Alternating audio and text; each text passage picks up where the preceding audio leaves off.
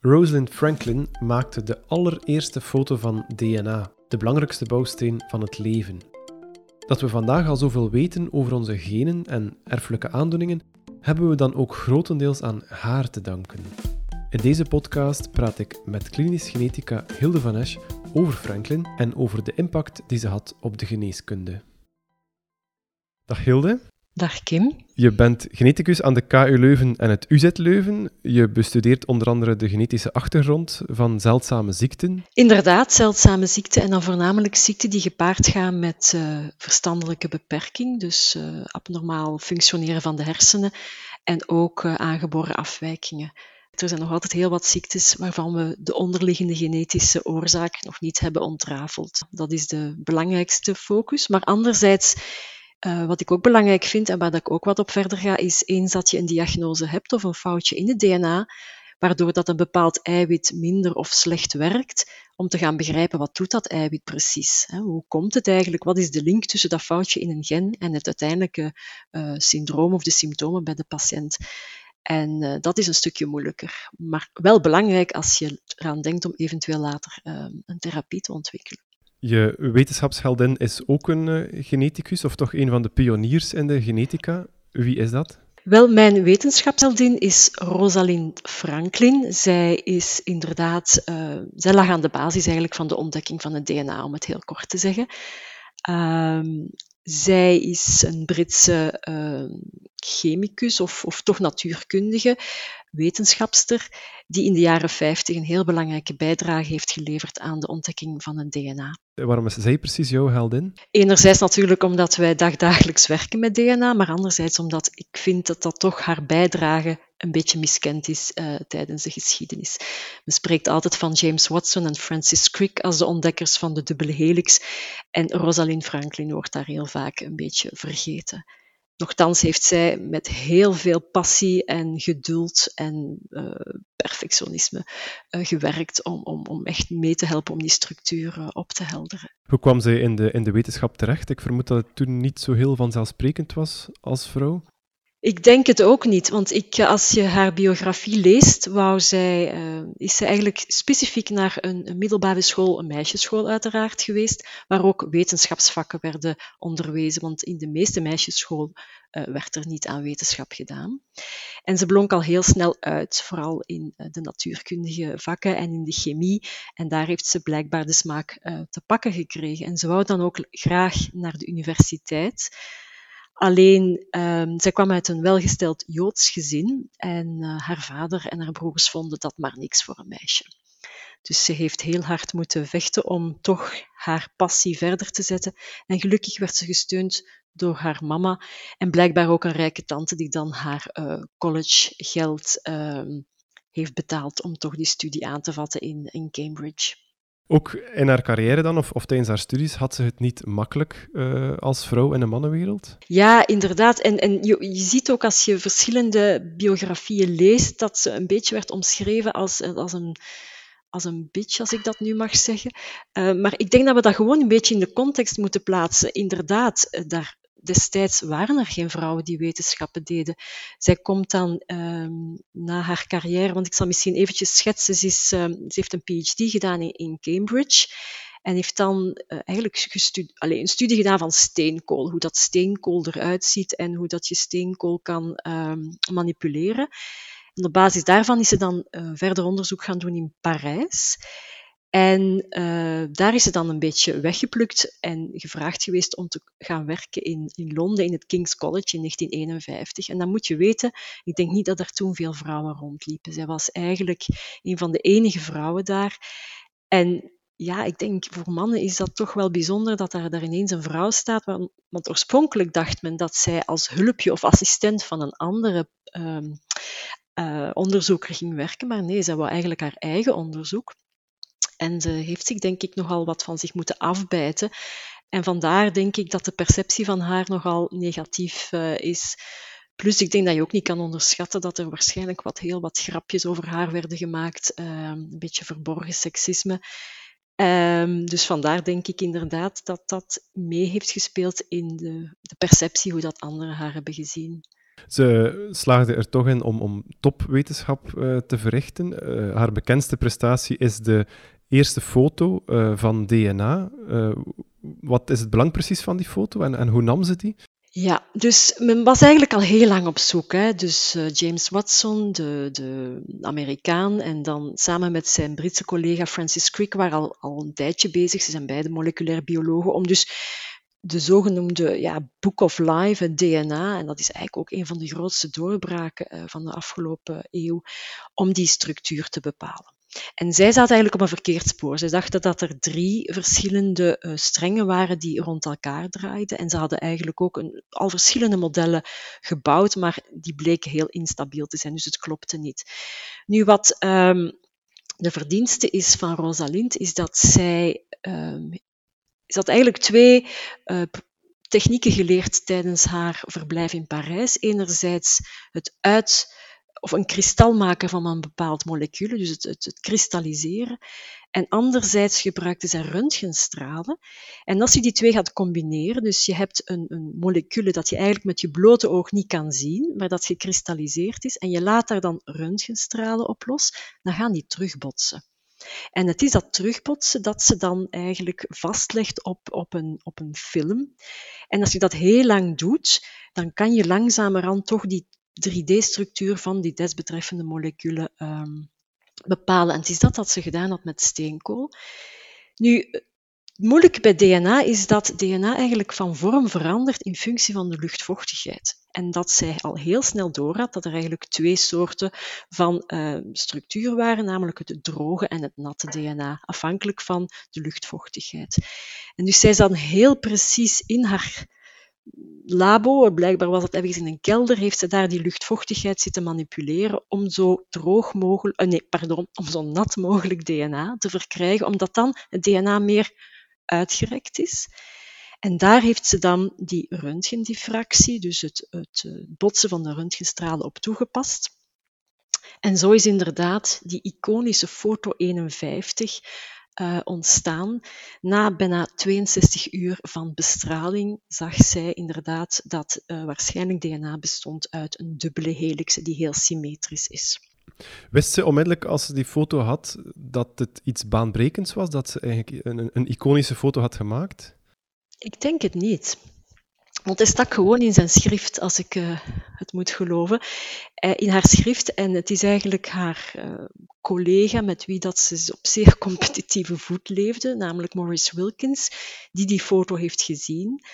Die die foto eigenlijk zonder haar medeweten heeft getoond aan James Watson. En James Watson is natuurlijk uh, heeft dan direct het licht gezien en is samen met Francis Crick dan uh, de correcte structuur uh, gaan bouwen. En achteraf heeft zij dus ook die structuur gezien. Zij is ook meegereden naar Cambridge en ze heeft direct gezegd: dit is het, dit is de correcte structuur. Ze is dus eigenlijk bestolen door die mannen dan? Ja, ik denk dat dat, dat helemaal de, de, de goede, of de relaties die al niet zo goed waren, helemaal op de helling hebben gezet. En ja, op basis daarvan is natuurlijk de grote publicatie gekomen van uh, Watson en Crick over de structuur van het DNA, het model dat ze gebouwd hebben, dat dan in een publicatie in um, 53 in het vakblad Nature. Um, er is na de grote publicatie, daarachter zaten wel een paar kleine publicaties, onder andere van haar dan, zo gezegd om aan te tonen dat wat Watson en Crick hadden gevonden, dat zij dat kon bewijzen met die bewuste foto, maar eigenlijk is het een beetje andersom gegaan. Dus ze heeft wel geclaimd dat de foto van haar was, maar het is nooit erkend? Wel, ik weet niet of ze... Ja, ze wist gewoon niet dat die foto uh, getoond was geweest, maar achteraf heeft ze dan natuurlijk te weten gekomen. En ik denk dat dan een beetje de de bom is ontploft, eerlijk gezegd. Um, ik denk ook dat het toen uh, een beetje onhoudbaar was voor haar om nog langer daar te werken. En zij is dan in 53, denk ik, uh, in het jaar eigenlijk nog voordat de publicatie uh, echt effectief verschenen is, is zij verhuisd naar een ander instituut. En achteraf heeft zij helaas geen Nobelprijs gekregen omdat zij al overleden was. Um, Nobelprijs is in 62 toegekend aan Watson, Crick en Wilkins en um, niet aan haar. Had ze de Nobelprijs gekregen als ze nog had geleefd? Geen idee, want blijkbaar zijn de regels dat maximum drie mensen een, uh, een prijs krijgen. Dus ik heb er eigenlijk geen enkel idee van. Maar ik heb wel gelezen dat Watson achteraf heeft gezegd van eigenlijk verdient ze hem ook. Dus dat vind ik wel mooi. Franklin ging na die foto uh, door met haar onderzoek. Uh, ze focuste onder andere op het ontrafelen van de structuur van virussen. Uh, wat realiseerde ja. ze op dat gebied? Ja, ja dus ze, moest ze heeft moeten beloven als ze wegging uit King's College dat ze nooit nog op DNA zou werken. Uh, om dus, uh, en ja, wat is ze dan gaan doen? Ze is gewoon op RNA gaan werken, want ze heeft eigenlijk opnieuw met diezelfde uh, technologie van röntgenstralen, heeft zij als eerste de structuur van een RNA-virus bepaald. En ik hoef u niet te vertellen wat op dit moment het meest bekende RNA-virus is, maar die structuur heeft zij dus mee ontrafeld. Het was dan toen niet corona, toen was het het tobacco-virus. Maar ze heeft dus duidelijk kunnen aantonen dat die virussen zijn opgebouwd binnen met RNA en dat daar rond eigenlijk die, die schil zit van die oppervlakte-eiwitten die in staat zijn om zich vast te hechten aan onze cellen en uh, cellen te infecteren. En nog een kleine anekdote is dat uh, um, op de Wereldexpo 58 in Brussel dat er een groot schaalmodel stond van haar eerste tekeningen over een RNA-virus. Um, dat is wel leuk. Kunnen we dan ook zeggen dat het huidige onderzoek naar een, naar een vaccin, want het is een RNA-vaccin ook, of, of, het is ook de studie van het coronavirus, dat het huidige onderzoek heel veel te danken heeft aan wat Rosalind Franklin heeft gedaan? Wel, uiteindelijk heeft zij de eerste structuur bepaald en, en natuurlijk zijn vele andere onderzoekers daar verder op gegaan, maar het is inderdaad zo dat ons uh, vaccin eigenlijk gericht is tegen die oppervlakte-eiwitten um, die, uh, die zij toen al had gezien. Ja. Je zei daarnet ook dat om die foto te maken, dus die, de, de iconische foto van het DNA, dat ze uh, heel veel uren röntgenstraling moest, moest mhm, gebruiken. Mhm. Ze is ook heel jong gestorven, op haar 37ste, mhm. aan de gevolgen van kanker. Was er daar een link tussen die twee? Wel, ja, ze is gestorven aan, uh, op haar 35ste heeft ze die diagnose gekregen van eierstokkanker, wat een zeer agressieve tumor is. Toen was er nog maar heel preliminaire uh, chemotherapie, maar zij is blijven doorwerken. En inderdaad, het is schokken. Hè, of het kan hier dubbel zijn. Het kan zijn dat zij een voorbeschiktheid had tot uh, eierstokkanker op basis van een genetisch foutje in de bekende genen. Maar ik denk zeker ook dat uh, ja, röntgenstralen en daar de hele dag in zitten of daar toch mee werken, mogelijk een bijkomende factor of een uitlokkende factor zijn geweest. Ja. Ze uh, heeft nooit de Nobelprijs gekregen omdat ze al overleden was. Um, toen ze nog leefde, had ze ook niet de eer gekregen die ze eigenlijk misschien verdiende. Is dat ondertussen anders in de wetenschappelijke wereld? Wordt ze echt gezien als een van de pioniers? Ik denk wel dat, dat je haar meer en meer terugvindt. Ook in de boeken wordt ze ook vermeld. Als je gaat kijken op Google, ik heb het ook eventjes gedaan, als je de DNA-structuur ziet, toch wel vaak dat haar naam er nu ook bij staat. Um, Daarnaast is het zo dat men uh, eigenlijk vorig jaar, in juli zou ze 100 jaar zijn geworden. Men had allerlei festiviteiten gepland in King's College, waar ze haar ontdekking heeft gedaan. Dat is jammer genoeg niet doorgegaan. Maar er wordt wel jaarlijks een Rosalind Franklin Award uitgereikt aan een beloftevolle vrouwelijke wetenschapper. Um, en daarnaast, naar aanleiding van haar 100 uh, jaar, uh, werd zij ook af. af zij, werd niet afgebeeld, maar haar initialen staan op het muntstukje van 50 pence, samen met een afbeelding van het DNA. En ik hoop dat ik zo'n muntstukje nog ergens kan uh, in de wacht slepen. Ja, want eh, uiteindelijk, we spreken nu vooral over die foto en over het in kaart brengen van, van het RNA van, van een virus. Maar welke ontwikkelingen zijn daardoor mogelijk geworden in de geneeskunde? Ja, heel veel. Hè. We wisten eindelijk, ja, de Book of Life was ontrafeld. We wisten eindelijk waar zit die, die, die, wat is die, die molecule die onze erfelijke kenmerken van generatie op generatie doorgeeft. En wat ook zo mooi is, is dat dat een heel ingenieus molecule is. En dus die dubbele helix, die twee strengen zijn volledig complementair. Dat wil zeggen, als je de opeenvolging van de bouwsteentjes kent van één streng, dan kan je de tweede streng eigenlijk reconstrueren. Um, en dat is ook de reden dat ze zo mooi in die helix passen, omdat ze eigenlijk echt op dezelfde plaats altijd met elkaar contact maken. En enerzijds was dat een fantastische doorbraak. Maar anderzijds ook het feit dat men nu wist hoe DNA in elkaar zat, konden we ook starten met technieken te ontwikkelen om dat DNA te gaan bestuderen. Dus de eerste stukjes DNA konden gelezen worden. Ehm, en uiteindelijk heeft dat geleid tot in het jaar 2000 dat het volledige genoom in kaart is gebracht en dat we eigenlijk de opeenvolging van al die bouwstenen kunnen lezen.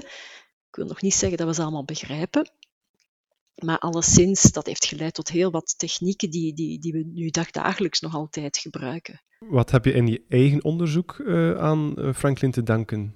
Uh, ja, het feit dat we, dat we inderdaad het DNA kunnen lezen, dat we dat kunnen lezen bij, bij personen met aangeboren afwijking, om te gaan zoeken waar is het lettertje dat hier anders is, of, of wat is er veranderd, of mist er een stukje, of is er een stukje te veel in het genoom.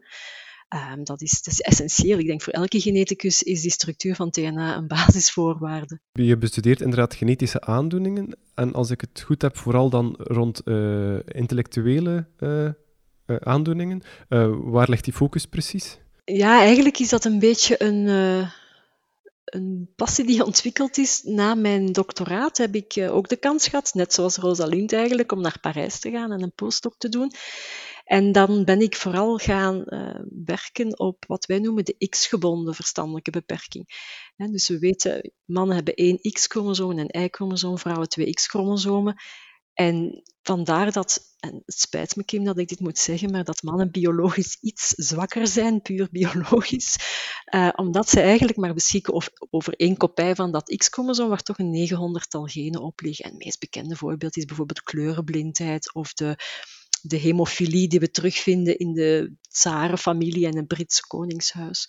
Um, en wat wij zagen was inderdaad dat als je gaat kijken naar scholen voor bijzonder onderwijs of voorzieningen voor mensen met een beperking, dat er vaak meer jongens zijn of mannen dan, dan meisjes. En dat komt deels door het feit dat mannen maar op één, over één X-chromosoom beschikken en dat daar toevallig wel heel wat genen liggen op het X-chromosoom die belangrijk zijn voor een normale ontwikkeling en functie van de hersenen. En daar is eigenlijk een beetje mijn, mijn interesse gegroeid. En nadien uh, ja, doen wij dat nog steeds verder uh, hier in Leuven. Ja. Eh, mannen hebben dus een stukje tekort wat, wat leidt tot die aandoeningen. Kan je dat op een of andere manier compenseren om, om dat te voorkomen of te oh, behandelen? Dat is, dat is een, ik weet waar je naartoe wil, denk ik. Wel, het is zo dat mannen hebben maar één X-chromosoom. En ja, als je een foutje hebt als vrouw, dan kan je nog compenseren met je tweede X-chromosoom. Dat zien we vaak. Bijvoorbeeld de ziekte van Duchenne is ook zo'n X-gebonden aandoening, die spierziekte. Bij mannen, ja, die hebben dat Y-chromosoom bevat totaal andere informatie, dus zij kunnen eigenlijk niet, niet compenseren en gaan eigenlijk altijd de ziekte uiten. Um, natuurlijk is het zo dat als je al ziet in een familie dat, dat vooral jongens zijn aangetast en dat al die jongens met elkaar verbonden zijn via uh, de moederlijke lijn, zeg maar. Hè, dus uh, dan ruikt dat voor ons al een beetje naar mogelijk is hier iets op het X-chromosoom wat, uh, wat verkeerd is.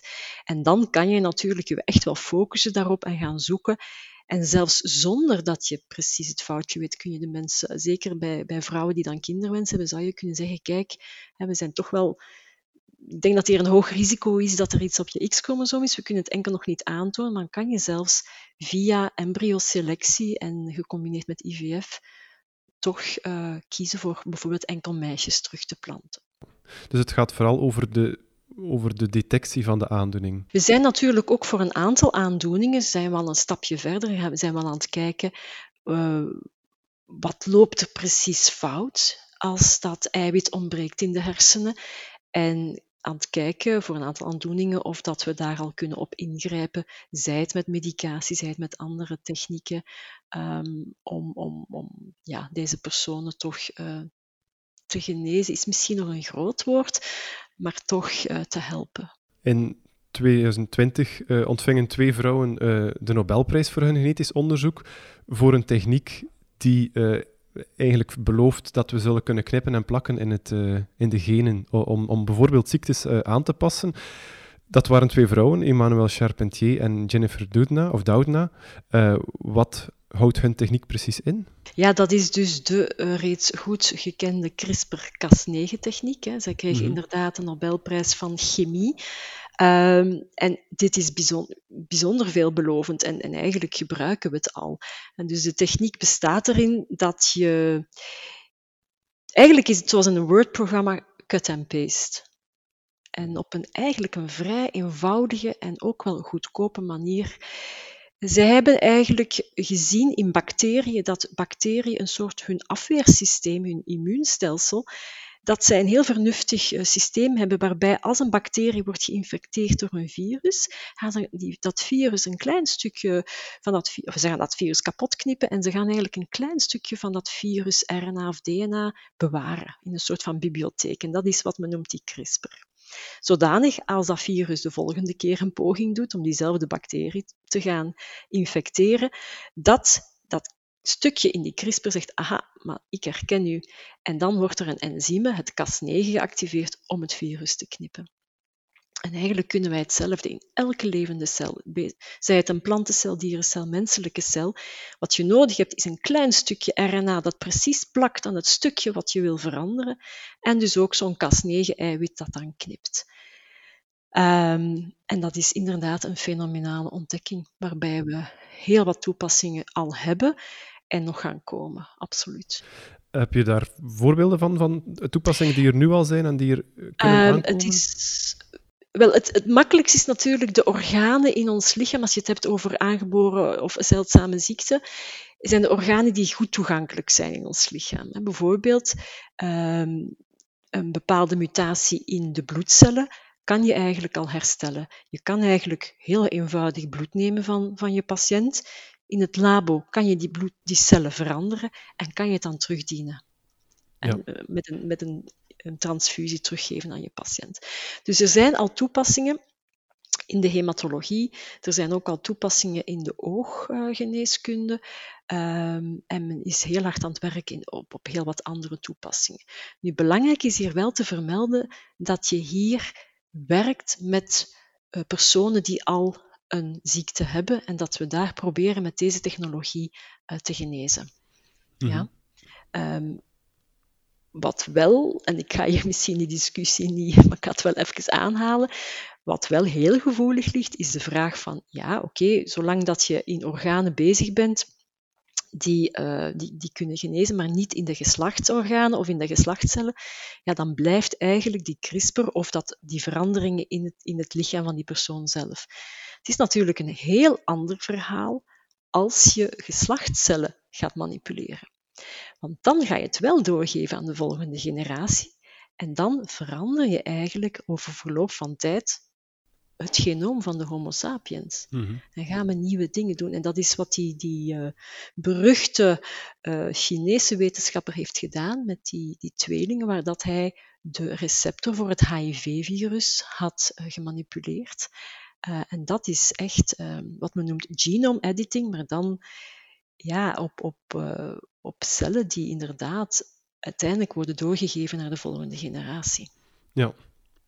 En daar is nog heel wat debat aan. Uh, dat moet er nog aan vooraf gaan, ik zal het zo zeggen. Ja, ja. Het is inderdaad een, een, een heel uh, uitgebreid debat dat je daar nog zou kunnen over doen. Een aparte podcast eigenlijk zelfs. Um, maar ik wil teruggaan naar Rosalind Franklin, want het gaat uiteindelijk over haar ook. Stel dat ze nu nog had geleefd uh, of dat je met een tijdmachine naar haar had kunnen uh, toegaan. Wat zou je met haar willen bespreken? Goh, ik, ik, ik vind het altijd heel leuk om te weten waar mensen hun, hun, hun toewijding en hun, in hun ambitie en, hun passie halen. Wat haar zo heeft aangesproken. En, en eigenlijk is het toch fantastisch dat iemand op 14, 15 jaar al zegt: Ik wil later wetenschapper worden. Um, dus ik denk vooral, ik denk niet dat ik het zou hebben over eh, DNA zelf, uh, maar gewoon over wat haar heeft gedreven destijds en waarom dat ze toch gedaan heeft wat ze gedaan heeft en met welke toewijding en precisie. En ik zou ook het leuk vinden om het ook andersom te doen. Ik zou ze eigenlijk ook heel graag naar onze tijd nu laten terugkomen, omdat ik heel graag haar reactie zou willen zien of, of haar wil laten zien wat we momenteel allemaal kunnen met DNA. En, en gewoon ook vinden wat, wat zij daar nu zou van vinden. Helaas um, denk ik niet dat dat echt mogelijk is, maar... Uh... Nee, nee. Is ze zou waarschijnlijk schrikken van al hetgeen wat mogelijk geworden is sinds die foto. Ja, misschien zou ze schrikken, maar ik denk als ze uh, wetenschapster puur sang, zou ze denk ik heel gelukkig zijn. Dat lijkt me een mooie idee om bij af te ronden. Ik wil je heel hard bedanken voor het heel boeiende gesprek. Oké, graag gedaan. Jullie luisteraars, uh, bedankt voor het luisteren. Deel deze podcast gerust met iedereen die het wil horen. En luister zeker ook naar onze andere afleveringen over wetenschapsheldinnen. Je blijft op de hoogte van onze podcast via onze website www.eoswetenschap.eu.